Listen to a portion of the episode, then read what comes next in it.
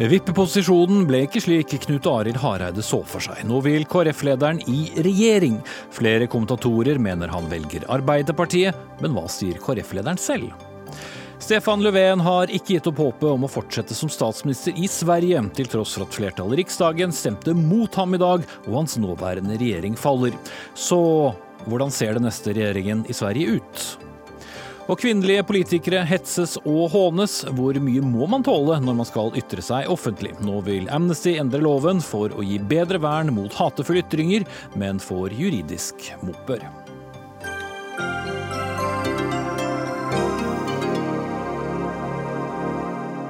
Ja, da ønsker vi velkommen til Dagsnytt 18 tirsdag med Espen Aas i studio, der vi også skal innom den aldri hvilende debatten om regionreformen og fordelingen av verdier.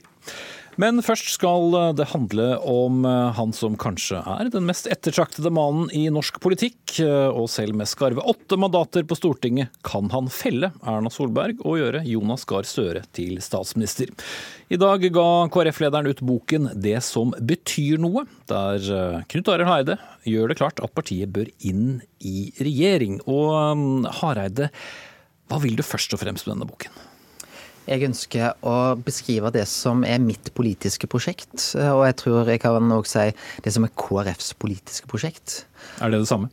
Eh, det tror jeg er veldig sammenfallende. Jeg tror at de KrF-erne som tar seg tid eh, og lyst til å lese denne boka, de vil i stor grad slutte seg til det. Selvfølgelig ikke alt som det vil være eh, i hver bok, men jeg tror nettopp det politiske partiet som løfter menneskeverd fra livets begynnelse til livets slutt, som er opptatt av at ikke vi skal ha et samfunn der vi ekskluderer noen, men sier det skal være plass til absolutt alle.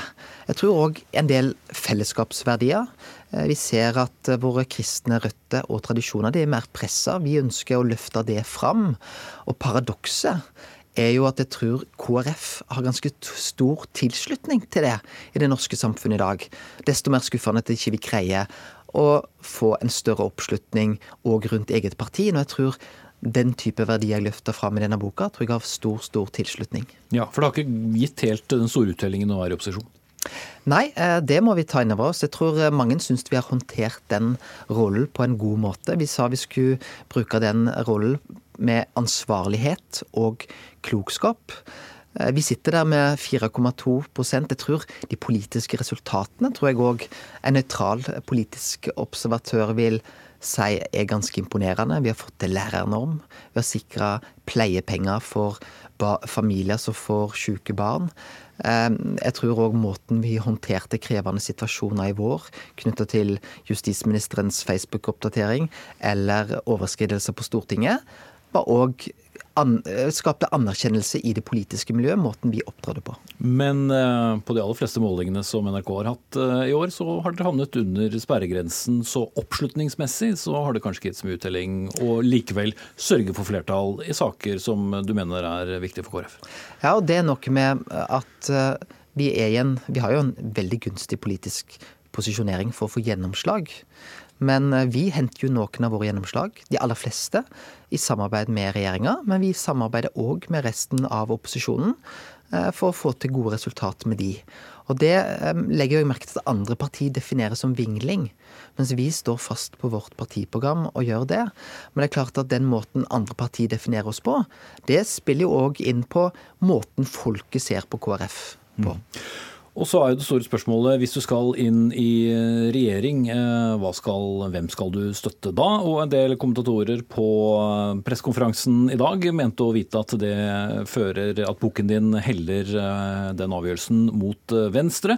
Ikke minst fordi du har pekt på en del negative ting ved både personer og politikken på høyresiden, og kanskje overraskende nok også roste partier som SV, som man kanskje vil tenke ligger et stykke unna Kristelig Folkeparti, men som du poengterer har nærmet seg seg sentrum. Mange partier har rett og slett eh, endret seg. Har eh, KrF stått stille, eller har de også endret seg nå den siste tiden?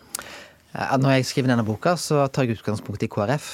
Og så beskriver jeg hvordan noen partier nærmer oss, eh, og hvordan noen partier har kanskje kommet lenger vekk fra oss i en del verdispørsmål. Og, og det tror jeg er gjenkjennelig. Og så har jeg lyst til å si at denne boka, de som tar seg tid til å lese den, de vil se at der er det spark både til høyre og til venstre. Uh, ikke spark, men saker vi er politisk uenige om. Og sånn vil jo det være for et sentrumsparti. Vi vil være enige med en del saker med høyresida, som f.eks. går på individuell frihet, på valgfrihet, barnefamilienes posisjon. Og så vil vi være enige med venstresida F.eks. på en del eh, fellesskapsverdier. Eh, noe av de eh, velferdsordningene som, som, vi har vært med og bygd opp sammen. Så, så, sånn sett så vil det være helt naturlig at et sentrumsparti vil ha noe felles, både med høyre- og venstresida. Mm. Men uansett hva du velger, så må du vel enten bryte det løftet om ikke å sitte i regjering med Fremskrittspartiet, eller å ha Erna Solberg som din statsminister? Nå har jeg gitt ut denne boka. Den er det 13 kapittel i. 12 av de kapitlene er politikk. Og I det 13. kapittelet så skriver jeg om samarbeid, skriver litt om de andre partiene.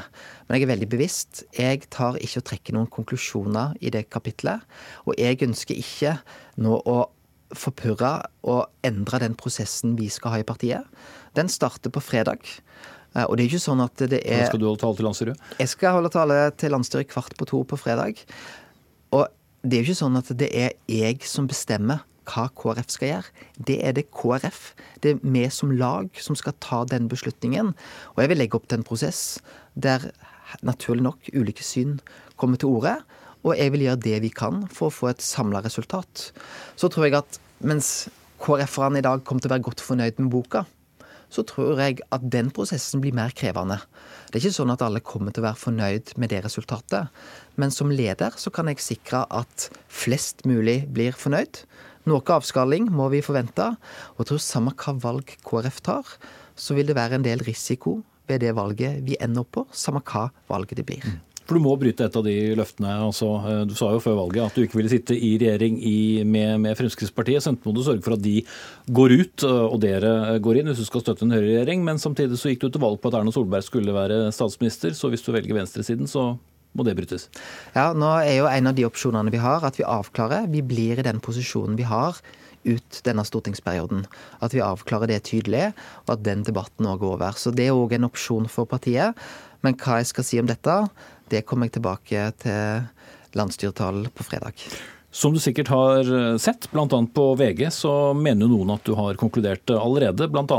ordførere eh, i eh, Rogaland som mener at du skal være forsiktig med å helle så mye mot venstre som de mener at du gjør. Og også i Klassekampen i dag så blir det sagt at dette fort kan handle om en debatt ikke bare om hvilken vei KrF skal gå, men også om hvem som skal være leder. Det er alltid partiet som bestemmer hvem som skal være leder i et parti, og det må vi tåle. Men det er helt legitimt nå å komme med sine ståsted og om samarbeid. Det må partiet gjøre. Vi har sagt denne debatten tar vi denne høsten. Det tror jeg har vært klokt. Da har vi fått ett års erfaring med den posisjonen vi har hatt. Det har gitt oss et erfaringsgrunnlag. Det har gitt oss store eh, politiske gjennomslag. Så at den debatten kommer nå denne høsten, det tror jeg er bra. Men jeg tror òg det blir bra for partiet å konkludere eh, og gjøre en avklaring. Og, og det, er viktig for deg som, som ja. leder. Det er og, viktig for KrF-lederen at det nå blir et tydelig signal om hvor dere står? Ja, et, et, det, det, er jo et tydelig signal hvor vi står allerede i dag. Vi er et sentrumsparti. Vi kan samarbeide begge veier, men vi kan jo òg gjøre noen valg knytta til samarbeid. Det har vi en frihet til i løpet av denne perioden, og jeg mener det er riktig å gjøre det denne høsten. Mm. Hvem eh, er deg politisk eh, nærmest? SV eller Fremskrittspartiet?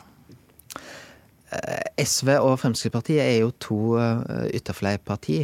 Og naturlig nok så er de de partiene som ligger lengst vekke fra KrF i den politiske skalaen vi har på, på Stortinget. Uh, og, og, og, jeg skal ikke gjøre en bedømmelse av det. Men, men du har jeg, kanskje en mening om det? Uh, ja, men da, da, går jeg òg inn i den debatten. Jeg skriver noe om, uh, om, det i boka. Jeg gir begge partier både honnør og tilbakemelding på ting de kan bli bedre på. Naturlig nok så velger jeg å gi min vinkling i denne boka. Mm. Ifølge NRKs siste statsministermåling så mener nordmenn at Erna Solberg er langt mer skikket til å være statsminister enn Jonas Gahr Støre, og kanskje enda mer relevant, kun 18 av KrF-velgerne mener Støre er mer skikket til å være statsminister enn Solberg. Eh, påvirker slike tall vurderingene dine? Jeg tror alle tall og statistikker er med å påvirke. Så må KrF gjøre et valg både med hjertet og med hodet. Vi må tenke hva vi mener er rett. Eh, men så er det jo ikke noe vanskelig å si at Erna Solberg har gjort en god jobb som statsminister. Jeg tror den rollen har hun håndtert eh, på en god måte. Og jeg skriver jo òg veldig gode ord om nettopp den jobben hun har gjort, og om Erna Solberg. Men jeg har heller ikke problem med å si at Jonas Gahr Støre er en politiker som har imponert meg. Han har en kapasitet. Eh, og Harald Stanghelle skrev jo en kommentar før valget i 2017. Et lykkelig valg der han nettopp konkluderte med at Norge er heldige som har to personer som eh, Erna Solberg og Jonas Gahr Støre. Men det blir vanskelig å velge mellom dem, kanskje? Ja, det, for, eh, det skal ikke bare jeg gjøre, vet du. Det er et valg vi i partiet skal ta sammen. Men hvor viktig er det for deg når du skal inn i den debatten? Altså, hvor mye vil du legge inn, inn selv, uh, ut fra hva du mener er riktig som, som leder? Jeg tror uh, en leder, han, har, uh, han eller hun har to oppgaver. Det ene er både å trekke konklusjoner når eh, alle har fått sagt sitt. Men det er naturlig nok òg eh, å gå foran.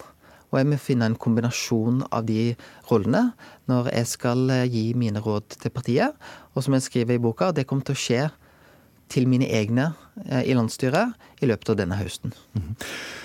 Hva er det med vippeposisjonen dere har nå som ikke fungerer? Du skriver jo bl.a. at ofte blir utgangspunktet at stillingen er 0-2 før dere kommer inn.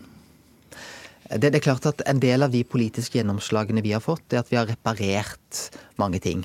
Altså at vi har ikke fått eh, det du kan si er fulle seire, men vi har gjort et litt usosialt budsjett. Det er blitt eh, mer sosialt. Eh, det er jo bra i seg sjøl. Så tror jeg òg at vi må se det at sentrum i norsk politikk er annerledes enn det var ved årtusenskiftet, da vi hadde et samla sentrum. Eh, Senterpartiet og Venstre som eh, definerer seg som sentrumsparti. Det er ganske stor avstand mellom de to partiene i dag. Og KrF er vel kanskje det eneste partiet som løfter fram sentrum og den reelle sentrumsposisjonen eh, på Stortinget i dag. Og så er det òg det at vi skal jo òg gå mot et valg i 2021. Og det regjeringsalternativet vi gikk til valg på i 2017, det hadde vi prøvd fire ganger før, en sentrum-høyre-regjering. Og vi har ikke lykkes med det noen gang. Og hvis vi gjør det samme i 2021, så vil nok vi være det eneste partiet som har det som vårt første alternativ. Spennende. Da sier vi takk til deg, Knut eh, Arild Hareide. Boken heter altså 'Det som betyr noe'. Svaret er kanskje makt, men eh, det avler nye spørsmål. Hvordan få det? Så skal vi få inn våre kommentatorer som eh, både har lest boken og vært på pressekonferanse i dag, nemlig vår egen eh, Lars Nehru Sand, politisk kommentator i NRK, og Berit Aalborg, politisk redaktør i Vårt Land. Og eh, Lars Nehru Sand begynner med deg.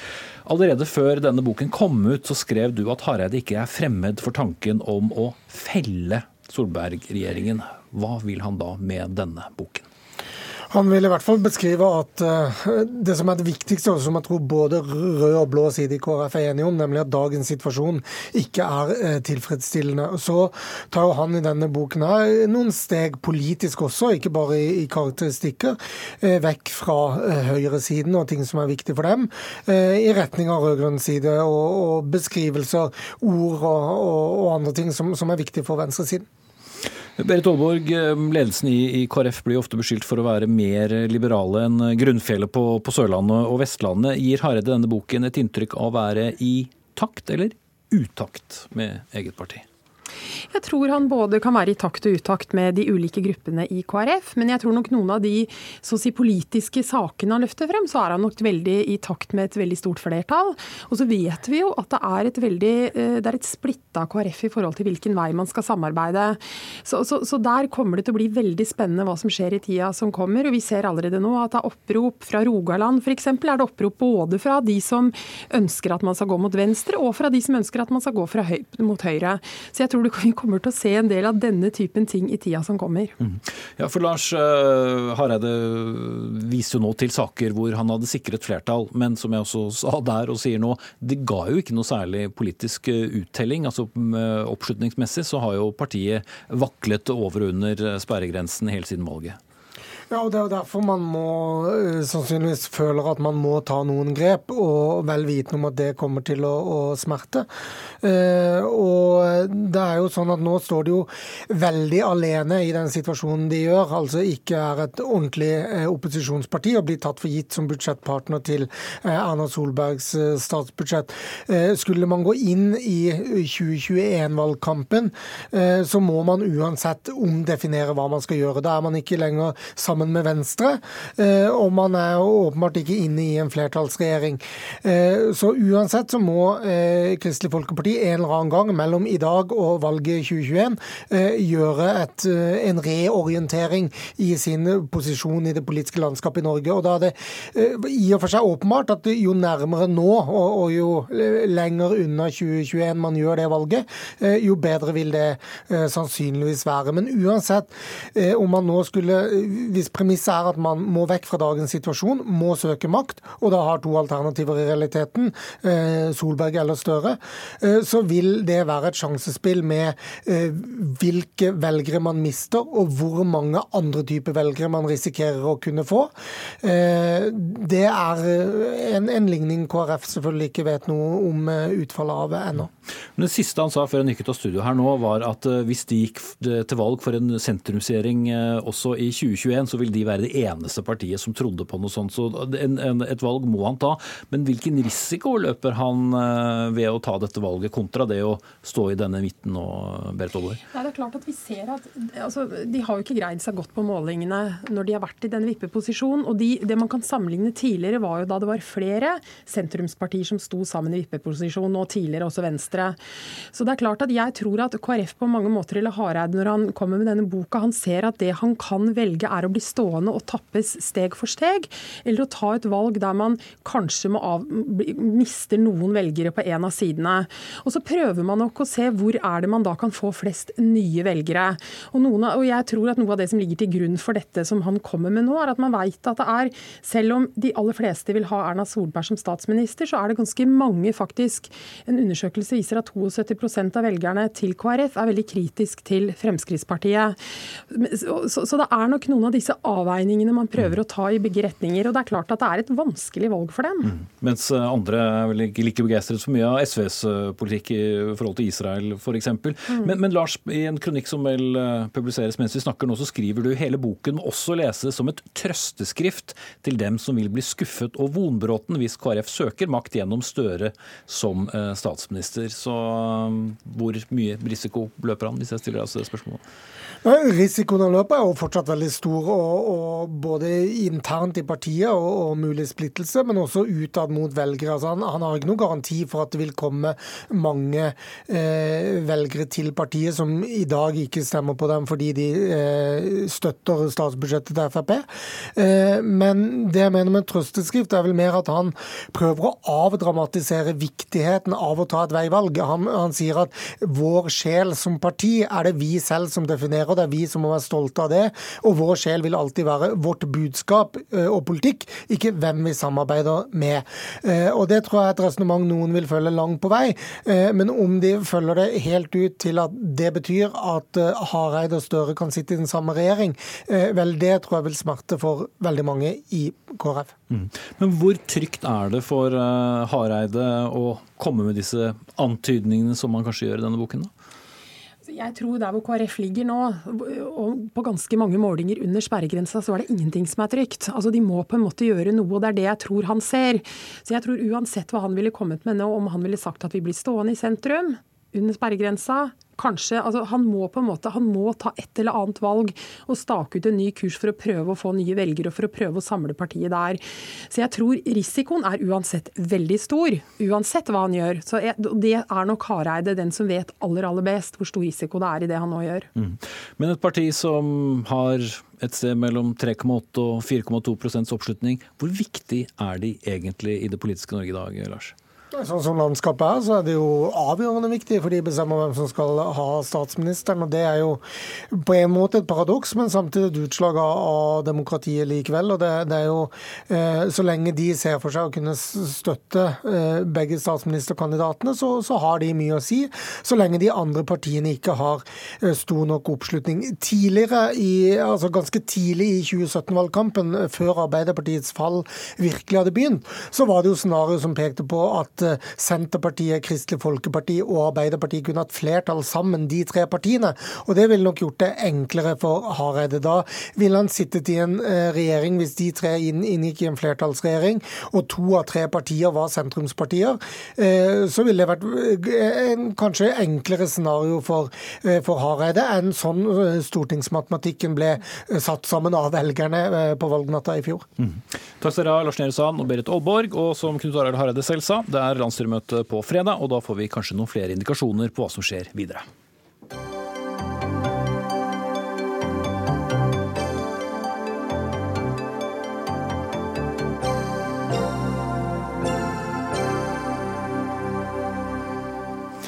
Det er ikke bare i Norge vi ser på vippeposisjoner og hvem som skal få makt. For vi skal nå til Sverige og den politiske thrilleren om makten som utspiller seg der etter valget 9.9. Vi skriver den 25.9, og i dag stemte flertallet i den svenske nasjonalforsamlingen, Riksdagen, mot Stefan Löfven som statsminister. og Det betyr altså at regjeringen hans faller.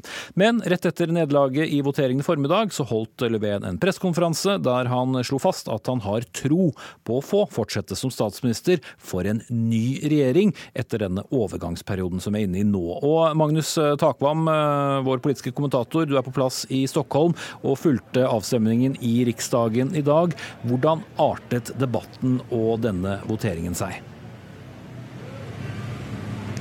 Selve debatten var eh, kortfattet, eh, i motsetning til den i går, der det var valg av tal talmann. Eh, som varte og rakk i det uendelige, så var det en kort og effektiv debatt og votering i dag, og resultatet var som varslet på forhånd. Det sosialdemokratene markerte, var at eh, flertallet eh, veltet, velter hans regjering uten selv å ha noe alternativ, mens Ulf Kristersson, som er Moderatenes leder og statsministerkandidat, sa at de nå gjør det de har lovet i hele valgkampen, nemlig å kaste Stefan Löfven. Så der var det i hvert fall et eh, flertall. Men den store thrilleren og den vanskelige prosessen er jo når kan en ny regjering være på plass, og hvem i all verden skal den bestå av? Det er eh, det store spørsmålet. og Flytter ingen av partiene posisjonene sine, så får ikke Sverige en regjering, og man risikerer nyvalg. Men det er nettopp eh, kunnskapen om det som eh, vil skape det presset som, som gjør at de fleste tror at i den andre enden så kommer det en regjering ut av dette. Men for min egen del vil jeg vel si at presset nå er veldig sterkt på Ulf Kristersson. Han gjennomførte jo en valgkamp og lå an til å Han var en klar favoritt til å bli ny statsminister. Han fikk ett mandat mindre enn de rød-grønne i selve valget. Eh, og i dag har man eksponert en eh, splittelse i hans firepartiallianse som, eh, som gjør at han han har startet dårlig, rett og slett. Mm. Klas eh, Arvidsson, forfatter og kommentator i Svenska Dagbladet. Du er med oss eh, i studio. Löfven har altså fortsatt tro på å kunne uh, fortsette. Så ser vi også at Kristdemokraterna flytter litt på seg og åpner bl.a. for Sverigedemokraterna på borgerlig side. Hvordan leser du det som nå utspiller seg? Ja, man kan jo konstatere at det er veldig mange som tror Eh, det skal man gjøre i kirken og ikke i politikken. men eh, jeg tror jo at eh, alliansen kommer jo da å prøve å få stöd från, från Socialdemokraterna, vilket de ikke kommer å få. Därför att Socialdemokraterna kan svårligen tänka sig å förlika sig med tanken på att bli ett stödparti. De är ett maktparti. Och eh, likaså tror jag att det är svårt att tänka sig en stor koalition där liberaler och centerpartister skulle gå samman med, eh, med Miljöpartiet och Socialdemokraterna och ha Vänsterpartiet som regeringsunderlag. Så eh, ja, om et antall talmansvändor så tror jeg at vi kommer ändå få se en minoritetsregjering med Kristersson og Kristdemokraterna. Mm. Hvor uh, levedyktig er en sånn regjering, da, som uh, har da ja, en fløy på hver side, som uh, kan lage mye trøbbel for dem? Det återstår å se. Altså, det beror jo også på hvor skikkelig som Kristersson hanterer situasjonen, men også så vilka typer av strategier som socialdemokrater respektive sverigedemokrater velger i det parlamentariske arbeidet. Og det vet vi ingenting om. Det vi vet, det er jo at eh, Åkesson og eh, Sverigedemokraterna åkte på rejält stryk i og med at de ikke fikk eh, eh, den som som forventet, og som de skulle ha fått enligt praxis. Mm. Ja, eh, Magnus Takvam, eh, fortsatt med oss fra Stockholm. Eh, hva slags rolle kan de forvente å spille fremover, Sverigedemokraterna, inntil noen sier at de vil snakke med dem? Nei, altså de har jo For det første har Sverigedemokraterna spisset til eh, konfliktnivået veldig i, i, løpet av de siste dagene. Og mange spør seg selvfølgelig om hvor taktisk lurt det er, særlig hvis man står på den borgerlige siden. Alt dette som handlet om uh, uttalelser om at det er snakk om en kamp på liv og død, seier eller død osv. Og, så og Åkesson var knallhard i uttalelsene sine også i dag. slik at Eh, med kunnskap om den splittelsen i synet på Sverigedemokraterna som finnes i alliansen, så er det en strategi som mange eh, ikke eh, er glad for, sett fra, fra borgerlig synspunkt. Når det gjelder det alternativet Claes Arvidsson streker opp, så er det det alternativet veldig mange tror på hvis man skal ha en borgerlig regjering. Det som er haken ved det alternativet, er selvfølgelig at Eh, Senterpartiet og liberalene i så fall stilltiende må eh, godta at en sånn regjering, da basert på støtte fra Sverigedemokraterna, blir, blir etablert. Og det er det også veldig mange som tror er urealistisk. Men uh, det er ikke så mange realistiske alternativer i øyeblikket, så det er bare ett av dem. Mm. Uh, Arvidsson, i Sverige er det jo en såkalt oppløsningsrett med mulighet til å skrive ut et uh, nyvalg. Ville yes. det vært løsningen? Alltså, om det är så att talmannen efter fyra försök inte har lyckats etablera en regering så blir det automatiskt nyval. Jeg jag tror också att man ska ta höjd för att om vi får en minoritetsregering, för det kommer att bli minoritetsregering, så kan den också få trubbel på vägen så att säga. Och eh, jag tror att man inte ska utesluta regeringsombildningar och inte heller nyval under resans gång. Hvor kloke har eh, svenske velgere blitt på sine politikere i de ukene som har gått uh, siden valget? Jeg tror ikke at de har blitt så mye klokere. og det her kan man jo eh, kanskje høye øyenbrynene innenfor. Samtidig så er det liksom en del av det politiske spillet å prøve å posisjonere seg innenfor de her talmannsforhandlingene. Mm. Det er eh, aldri rolig i eh, svensk politikk, som vi sier på norsk, men kanskje er det det hvis vi bruker ordet på svensk. Takk skal du ha, Claes Arvidsson, forfatter og kommentator i Svenska Dagbladet, og vår egen kommentator Magnus Takvam, som var med oss fra Stockholm.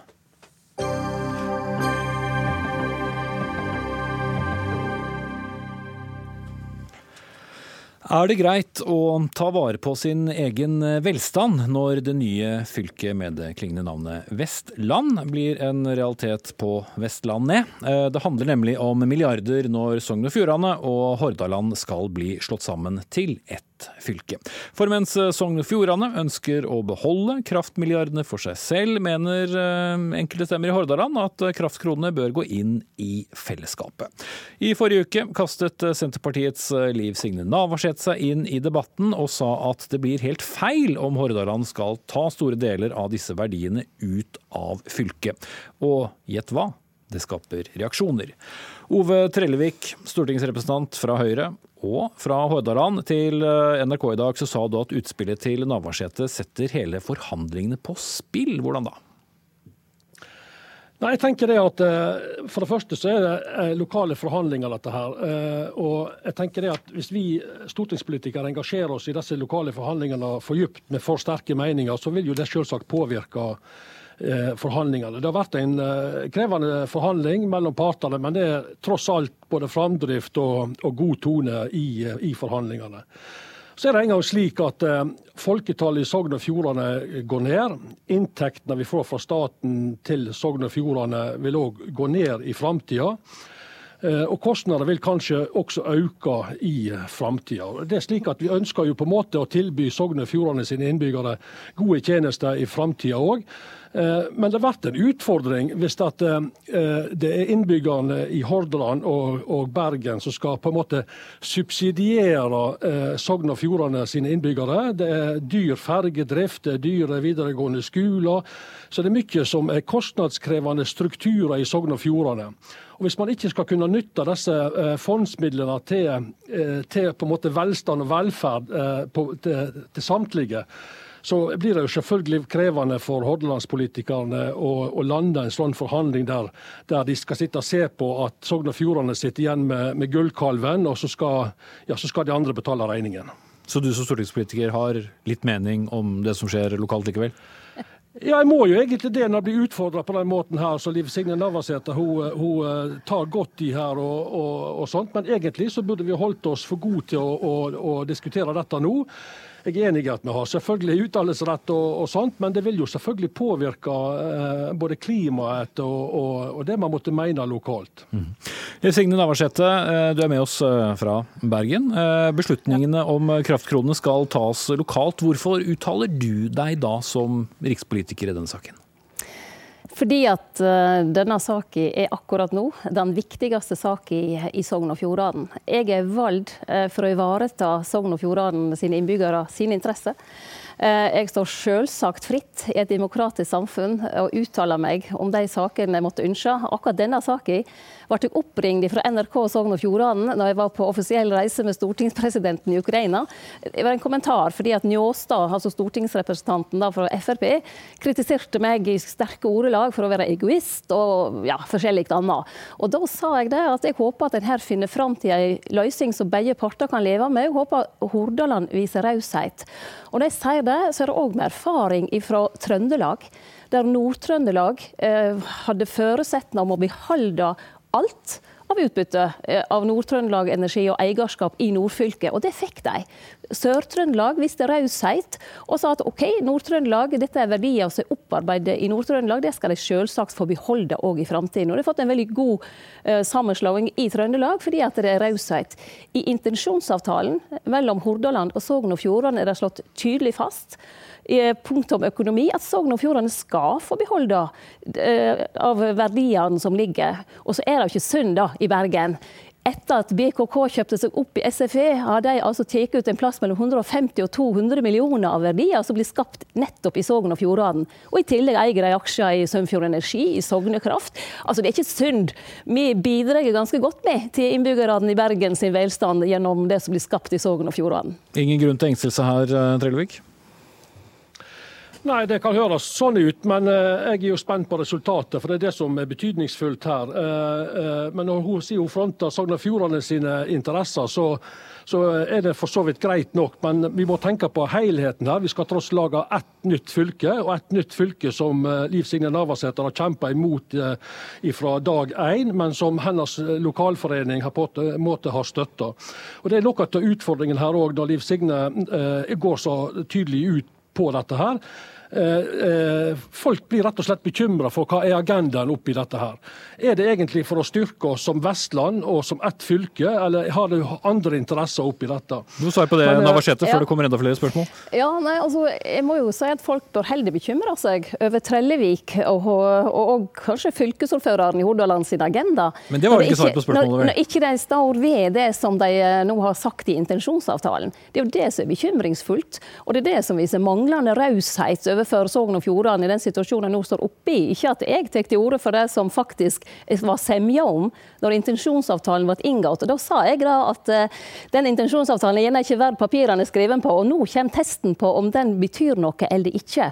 Nei, jeg er ikke for denne sammenslåingen, for jeg tror Sogn og Fjordane ikke har så mye å hente. Når jeg hører Trellevik nå, Og hører han på NRK Sogn og Fjordane der han sier at hvis ikke en finner fram til en løsning, da må vi ta en røsting. Og da vil Sogn og Fjordane tape, for de har jo færre eh, ikke sant, med i det utvalget som skal bestemme dette. Er det slik vi skal eh, behandles i tiden framover, og at vi er så dyre i drift i Sogn og Fjordane at stakkars oss ikke sant, skal berges av innbyggerne i Bergen? Dette syns jeg ikke lover godt når jeg hører Trellevik snakke, det må jeg si. Nei, men det, du, du, det, du, du som starter en sånn debatt som dette, Signe, når du engasjerer deg så sterkt i dette. Nei. Det er avtalefesta hva som skal ligge i bordet, og hvor mye Sogn og Fjordane skal ha med seg inn i dette ekteskapet. her. Det er akkurat. Men så det altså, skal det òg forhandles hvordan disse fondsmidlene skal brukes.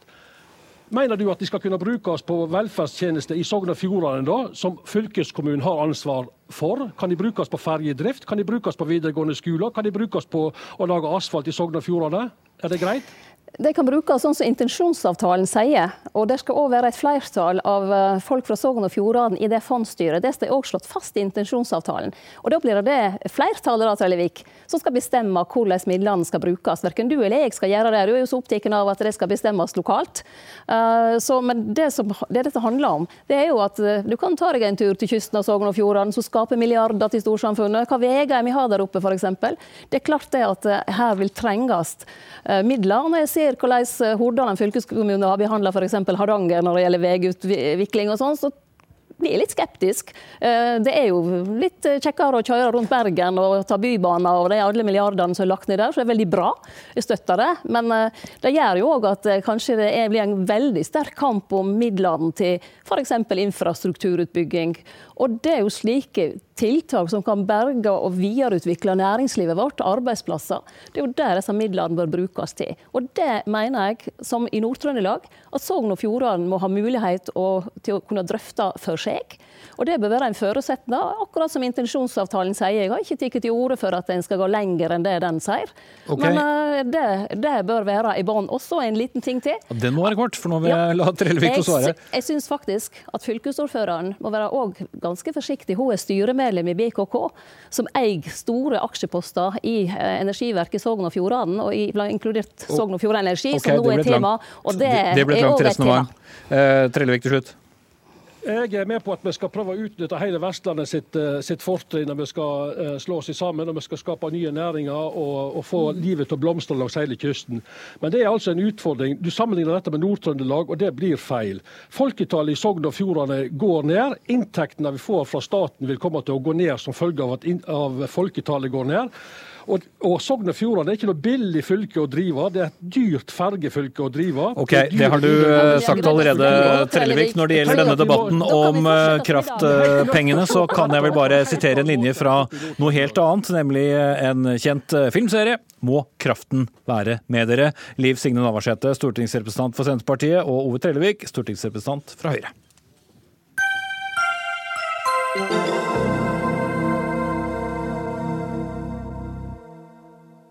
Et eh, stort oppslag i Aftenposten på lørdag tegner det vi vel må trygt kalle et nedslående bilde av forholdene i norsk offentlig debatt. Her forteller profilerte kvinnelige politikere om sjikane, voldtektstrusler, trusler og hets som de mottar etter å ha ytret seg. Dette er kartlagt i en undersøkelse fra Amnesty, som vi straks skal høre mer fra. Men en av kvinnene som, eller to av kvinnene i reportasjen har vi med oss eh, her i studio også. og Begynner med deg, Anne Beate Tvinnereim, andre nestleder i Senterpartiet. Du sier at du på langt nær er blant den som får mest hets, men at du likevel har opplevd en del som har gått innpå deg. Jeg må bare spørre veldig kort å begynne med, Hva slags kommentarer er du da har fått som har føltes sånn? Nei, Det er kommentarer som er veldig, veld, de er veldig personlige. Og så har de ofte et veldig seksualisert og grovt språk. Eh, og det tror jeg er litt typisk for nettopp den eh, hetsen mot kvinnelige politikere som vi snakker om her. Og det er, eh, det er noe som føles veldig personlig. Det rammer på en måte ja, Det rammer en veldig personlig, og det gjør at en kan, få, kan oppleve å bli ukonsentrert. Man blir ja, eh, det, jeg- det jeg sa til Aftenposten var at jeg tror eh, noen eh, Altså kvinner er jo forskjellige. og politikere er forskjellige. Og jeg er av den mer litt sånn ømskinna typen. Altså jeg liker ikke, liker ikke å, få, å få den type språk slengt i trynet. Noen takler det kanskje bedre, men jeg opplever at det gjør at jeg stiller spørsmål ved meg selv. Er jeg tøff nok til å være politiker når jeg, når jeg lar den type kommentarer gå så hardt innpå meg? Mm. Og da er det ikke alltid lett å svare et kort ja. Da skal vi til deg, Jon Peder Egnes, generalsekretær i uh, Amnesty International Norge. Uh, hvordan passer det som Tvinnereim inn i funnene som dere har da fått her? Nei, det jeg, passer jo veldig godt inn. Eh, men jeg har bare før vi går til politikerne lyst til å si litt om For vi gjorde også en undersøkelse med et representativt utvalg av norske kvinner. Ehm, og der sier 12% at de har opplevd trakassering eh, på nettet. Eh, og det vil kanskje noen si det var et lavt tall. Eh, det er jeg ikke helt enig i, fordi at vi snakker om denne typen trakassering. Men det som er viktigere, og som er et viktig ytringsfrihetspoeng, slik vi ser det, det er at av de 88 som sa de ikke hadde blitt trakassert, så sier 53% vi har moderert hvordan vi opptrer på nettet. Mm, fordi vi ser hvordan andre blir trakassert. Denne trakasseringen rammer ikke bare de som faktisk blir utsatt for den, men den gjør at folk Og de bruker ord som vi sensurerer oss selv, vi ligger unna visse tema. Eh, nettopp fordi vi orker ikke gå inn i det, for da vet vi at dette skjer. Og, og det er der kanskje det store ytringsfrihetsspørsmålet i dette ligger. Driver vi nå og aksepterer en debatt som stenger kanskje særlig unge kvinner ute fra politisk aktivitet. Jeg driver ofte og er ute og snakker til ungdom og sier liksom bli, gjør, bli engasjert hvor dere vil, men bli engasjert, må jeg nå legge til hvis dere orker all den dritten. da. Eh, det har jeg til nå ikke gjort, men, men, men liksom dette, er, dette, tror jeg er viktig. Eh, men hvis vi går da til politikerne, så er det altså to av tre kvinnelige politikere vi har spurt, sier at de har opplevd trakassering. og Da har vi spurt både rikspolitikere og lokalpolitikere. Blant rikspolitikerne så er det tre fjerdedeler som sier at de har operert, unnskyld, opplevd eh, trakassering på nett, nettet. Og Av disse så er det bare 22% som sier at dette påvirker dem ikke spesielt. Det har ikke gjort at de har endret atferd. Så det gjør altså at flesteparten av kvinnelige politikere i Norge, eh, hvis vi skal tro at dette utvalget representerer eh, flertallet, eh, endrer hvordan de oppfører seg fordi de får så mye søppel etter at de opptrådte. Jeg snakket med noen som sa at når de sitter i sofaen her ute, så tenker de mer på hva som kommer til å skje med dem etterpå, enn selve debatten de skal ha med deg og en motstander her inne. Eh, og det er sikkert ikke det verste stedet, men det, liksom, det, det sier noe om hvordan dette klimaet er. Og jeg mener at det sier noe om at vi må være nødt til å ta dette mer på alvor og gjøre noe med det. Mm. Heidi Nordby Lunde, stortingsrepresentant for Høyre. Du var også med i Aftenpostens oppslag og sier at dine erfaringer er irrelevante. Men hvem tar du da denne kampen for? Vel, nå har jeg også jobbet i en redaksjon hvor jeg hadde redaktøransvar for, for, meningsytringer fra leserne. Og i den forbindelse så fikk jeg jo mye tilbakemeldinger både på det redaksjonelle, men også så debatten mellom de ulike brukerne, hvor jeg for så vidt kunne definere det at både kvinner og menn eh, ligger like hardt inn på hatskalaen som, ja, som hverandre, så det er ikke store, store forskjeller der. Men jeg vet jo også at det er fryktelig mange der ute som ikke kan ta ordet i denne debatten, fordi de kan ikke fortelle om sine egne opplevelser. og politiet sier jo at det er litt sånn eh, catch 22. Du kan ikke gå ut og snakke om det du opplever, for da vil du få mer. Men hvis du da tier stille, så får jo heller ingen vite om hva du faktisk får. Da mener jeg at det er riktig av oss å sette dette på dagsorden. Men på den ene siden så opplever vi da at eh, dersom stemmer blir skjøvet ut pga. sjikane og trakassering, så er det et demokratisk problem. Men vi må også huske på at litt av denne debatten kan jo også bidra til at vi overdriver hva de fleste opplever i hverdagen sin. Og, da, og hvis folk da blir redde for å delta, som eh, Egnes nå sier, så er jo det også problematisk. Så vi må finne måter å håndtere dette på som gjør at vi inkluderer flest mulig, og huske på at vi som faktisk får lov til å sitte i den politiske debatten, har et ytringsprivilegium som de som sjikanerer oss, eventuelt ikke har, og at det kan være pga. en avmaktsfølelse. Mm. Egenes? Ja, jeg, jeg er, jeg, altså Denne debatten er full av dilemmaer, og, og Heidi peker på noen av dem. Men, men jeg tror jo at vi er, vi er nødt til nå å snakke om hva det er som faktisk foregår. Og vi er nødt til å lete etter måter å angripe det på. Og jeg er ikke spesielt redd for at, at mennesker blir kneblet, altså de som trakasserer, at de blir kneblet eller oppfatter seg kneblet. Jeg er mye mer eh, redd for at det er folk som ser denne trakasseringen, og som så trekker seg ut av debatten, som kunne hatt veldig verdifulle bidrag i samfunnsdebatten. Men kan vi og, og, kan jeg bare få lov til å si en, ting? Eh, Og det er at ytringsfriheten har jo aldri vært total. Og det er et viktig element ved ytringsfriheten som vi veldig sjelden snakker om. og det at den, den sier, og den sier for så vidt det om alle menneskerettigheter, at ingen av disse rettighetene skal brukes til å begrense andres rettigheter. Og det er det som skjer her. Hvis vi sier at vi må akseptere at folk ytrer seg på denne sjikanøse måten, eh, men det det faktisk betyr, er at andre ikke har den ytringsfriheten som de, som de burde hatt. Men skal vi lovregulere det? Skal politiet bruke mer ressurser på å forfølge folk som kommer med trusler eh, og sjikane, enten det er etter debatter her eller ute i, i det offentlige ellers? Vi tror det er nødvendig nå. Eh, Nå er det en debatt, det er en høring ute i forhold til eh, loven mot hatefulle ytringer, som allerede definerer at det er forbudt å uttrykke hatefulle ytringer mot en del grupper i samfunnet. Det gjelder på bakgrunn av folks hudfarge, deres religiøsitet, deres etniske bakgrunn, deres funksjonshemming osv. Vi mener at kjønn må inn i den oppramsingen. fordi eh, og Det er viktig å si at det er kjønn, for det vil også kunne ramme eh, sjikane av menn. Men, men vi tror at når det gjelder hatefulle ytringer, sånn som vi ser dem, sånn som vi eh, ser forskjellen på de ytringene menn får og de ytringene kvinner får, at det er til beskyttelse for kvinner. Og så må politiet få flere ressurser. Det fins allerede en hatkrimgruppe. Ok, Vi skal ta med en fjerde person, nemlig Marius Ditriksson, leder i forsvarergruppen i Advokatforeningen. Er det som Amnesty skisserer her, riktig vei å gå? Ja, Det er viktige spørsmål eh, som her eh, trekkes frem. For det er jo ikke greit med, med ytringer som eh, krenker kjønn. Det må vi jo alle prøve å komme til livs. Men vi er nok ikke enig i fremgangsmåten om at dette krever en ytterligere kriminalisering. Jeg tror ikke vi skal miste av syne at mange av de utsagnene som, som som man her snakker om, det er allerede straffbart. Hensynsløs, krenkende atferd er allerede straffbart i straffeloven. Eh, Men, eh, og det skal ikke mye til for å falle inn under det, men kanskje vel så viktig så tror jeg jeg skal huske på at eh, at man skal ikke straffe alt man ikke liker. Man må få ytringene frem, man må ta og kjenne på dem og gå dem i møte og ikke holde seg for øyne og ører. Og det lille som slipper igjennom skal man overlate til politiet. Jeg tror det er nyttig å ta ting frem. Og så er det altså slik at dette allerede i stor grad er straffbart, og det er ikke behov for noe ytterligere kriminalisering. Tvinnerheim? Ja, eh, nå skal vi huske på det at veldig mange av de som rammes av denne netthetsen, er ikke nødvendigvis profesjonelle politikere. Det er ikke bare nasjonale politikere som noen kanskje tenker at dette må man tåle. Altså, For meg så handler det her egentlig om folkeskikk. og Veldig mange av de som hetses, er jo f.eks. lokalpolitikere. da, Kvinner som sitter eh, og bruker fritida si på å kjempe for noe de er engasjert i, og som eh, mottar den type eh, meldinger i innboksen sin om at ja, jeg skal ikke bruke de ordene her, men det handler om, eh, det handler om eh, de mest obskjønne og ekle og, og, og, og pro, skrekkelige handlinger du kan forestille deg. Og så skal de etterpå gå ut på butikken og vite at det kanskje er en nabo som har gjort det her.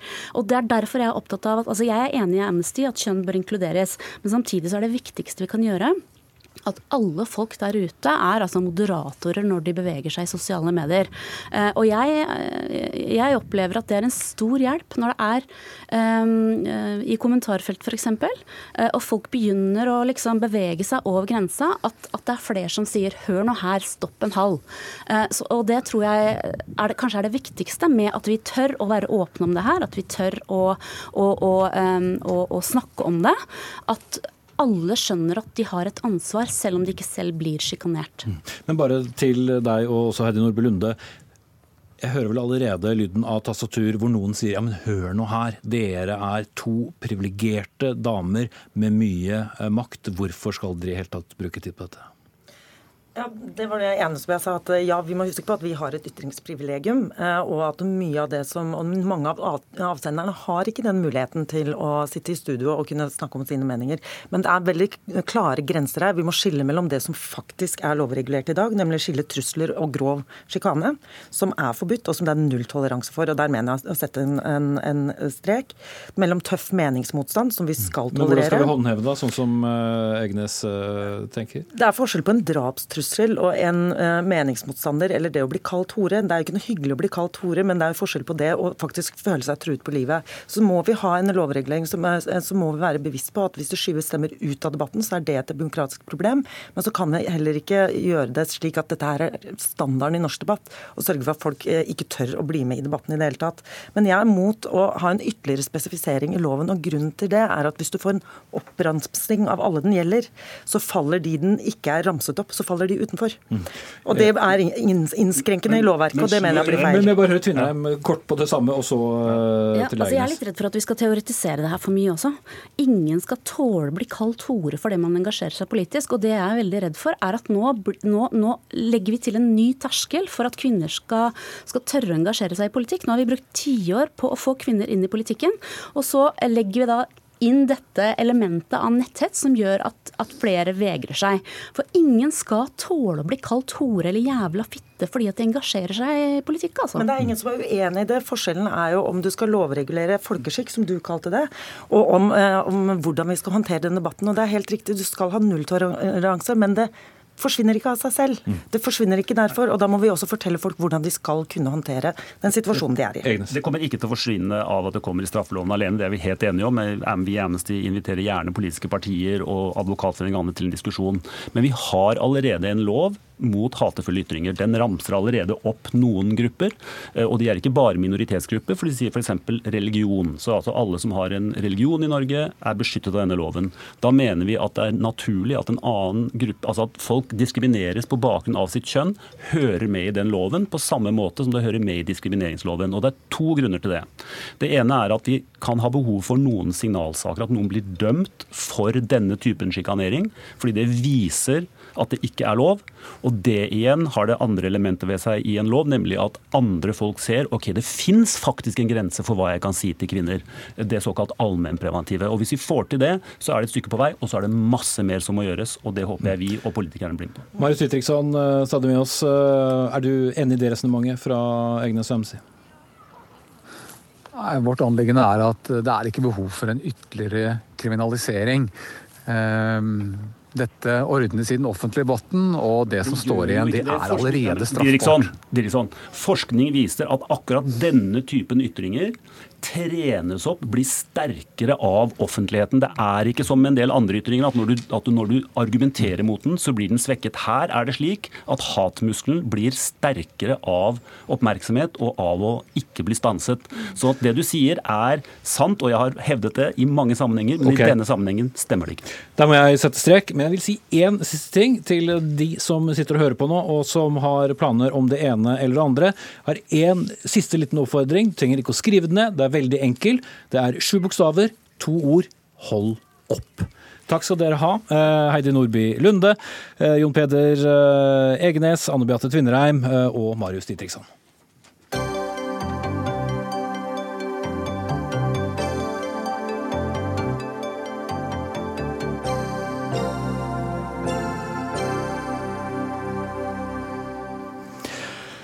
Hva er en eh, verge, og hva skal den gjøre? Kan og bør en verge f.eks.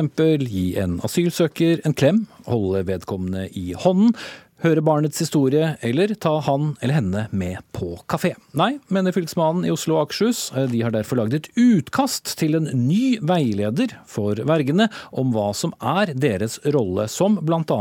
fraråder vergene å klemme barna. Hilde Krogh, styreleder i Vergforeningen. I Klassekampen i dag kaller du dette forslaget umenneskelig. Hvorfor det? Det som er umenneskelig ved det, er jo at eh, det overser hvor viktig det er å møte mennesker der hvor de er. Møte dem eh, i, i henhold til de behovene de har. Og ønsker de å klemme, så gjør vi selvfølgelig det som verger. Altså det, som, eh, det, det dreier seg om, er å være var overfor de signalene som de mindreårige gir deg, og hvilken situasjon de befinner seg i. Og de kan trenge at du viser omsorg i en situasjon, og da viser vi den omsorgen. Mm. Men det skal ikke være en omsorgsperson? Eller er det ikke et skille mellom omsorgsperson og en verge? Det er skille mellom en omsorgsperson og en verge. Omsorgspersonen er den som har den daglige omsorgen for eh, den mindreårige, mens eh, vi som verger skal påse at den omsorgen blir ivaretatt. Eh, men selvfølgelig når den mindreårige har behov for det, så viser vi omsorg. Mm. Elbjørg Sande, avdelingsdirektør ved vergemålsavdelingen heter, hos Fylkesmannen i Oslo og Akershus. Hvorfor er det nødvendig med en tydeliggjøring? Eh, ja, det er eh, nødvendig etter vår eh, oppfatning, fordi det er mange aktører i, rundt et vergebarn eller en enslig mindreårig asylsøker. Det er mottak, det er politiet, det er utlendingsmyndighetene, det er representantene og det er kommunen. Og, og, alle disse trenger å vite hva som er uh, vergens funksjon og vergens rolle. Uh, dette har vært uklart uh, for enkelte, og det oppstår så jevnlig spørsmål til oss om hva en verge skal bidra med. Og Der trenger man også en ganske detaljert veileder? Ja, altså vi har jo lagt opp til en veldig detaljert veileder, det er, det er helt riktig. Det som har vært på høring nå, er de første kapitlene i noe som vi ser for oss skal være ganske omfattende. Eh, og som skal egentlig redegjøre for alt av regelverk og, og praktiske ting knyttet til denne, den, dette oppdraget som vergene har. Og de skal da f.eks.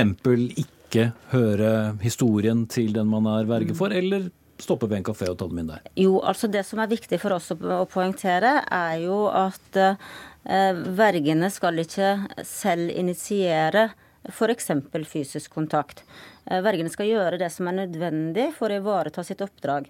Oppdraget til vergen er å være eh, en juridisk erstatter for foreldrene. Skal de ivareta de juridiske og eventuelt økonomiske, det er ikke så praktisk her, men det kan det være, eh, rettighetene til barnet. Særlig da de rettighetene barnet har til å bli hørt og til å få en forsvarlig asylprosess.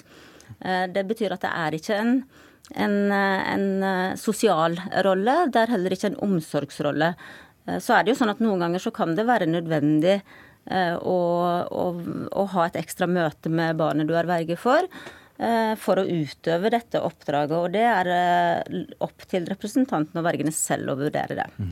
Men Hilde Krogh, hvorfor er det galt med å ha helt klare instrukser på hva rollen skal være og ikke være? Eh, det er ikke noe galt i å komme med regelverk og snakke om eh, de forskjellige, forskjellige rutiner og lover osv. Men dette dreier seg om mennesker. Og man kan ikke regulere eh, mennesker på den måten der. Og jeg tenker det er veldig viktig å være klar over hva den enkelte trenger, og, være, og, og handle utover, altså ut fra det. Uh, og da tenker jeg liksom sånn å ikke være sosial. Jo, i enkelte tilfeller så må du absolutt være sosial. Da må du gå inn i en sosial uh, situasjon og, og, være til stede i den situasjonen for å bli bedre kjent med den mindreårige. Fordi det det dreier seg om, er jo å utvikle et tillitsforhold til den mindreårige. Og du gjør ikke det ved å skulle følge uh, regler og lover helt sånn automatisk, men ved å være til stede og være opp, oppmerksom til stede hos den mindreårige.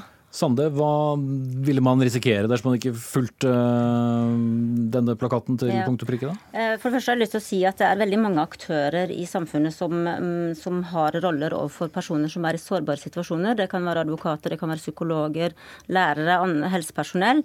Eh, de må etablere et tillitsforhold. Det er vi helt enige med Vergeforeningen. Det er mm. viktig å etablere et tillitsforhold. Poenget vårt, eh, som kanskje da eh, har kommet eh, dårlig til uttrykk i dette utkastet vårt, det er at dette må skje hovedsakelig ved andre måter enn fysisk kontakt.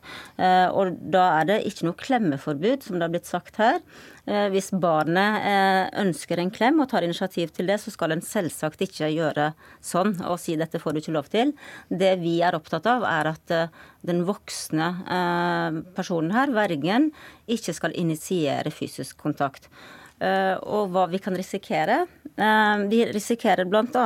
at barna kan bli forvirret. Du må tenke på vergene. altså mm. Hvis nå eh, medlemmene til, til Krog her da skulle ikke, eller altså bryte disse punktene, mm. vil de da bli fratatt muligheten til å være verge? Nei, eh, i utgangspunktet så vil de selvsagt ikke det. Vi har hatt noen få ganske stygge saker hvor det har vært resultatet, men det er jo helt unntaksvis, heldigvis. Vi vil veilede hvis vi syns at vergen ikke har forstått rollen tilstrekkelig. Eh, og det kan òg få, selvsagt få konsekvenser for hvor mye som honoreres, for dette er jo et betalt oppdrag eh, for staten. Mm. Krog. Ja, jeg tenker sånn I forhold til denne fysiske kontakten, så er det eh, Hvis du sitter i et asylintervju og den mindreårige bryter helt sammen, så er det helt unaturlig å ikke skulle kanskje legge hånden på skulderen osv. Altså, jeg tenker at det er ikke dette som utgjør utfordringen for vergene. Det å skulle, liksom, det å skulle initiere fysisk kontakt.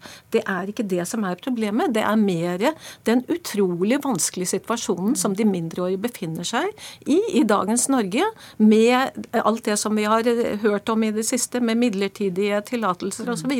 Å kunne være til stede og hjelpe i Eh, disse ekstremt vanskelige mm. situasjonene. Der må vi eh, sette strek, faktisk. Takk skal du ha, Hilde Krogh, styreleder i Vergeforeningen, og Elbjørg Sande, avdelingsdirektør ved Vergemålsavdelingen hos Fylkesmannen i Oslo og Akershus. Dagsnatten 18 er over. Ansvarlig for sendingen Odd Nytrø. Det tekniske ansvaret hadde Finn Lie. Jeg heter Espen Aas, og oppfører pent på Twitter.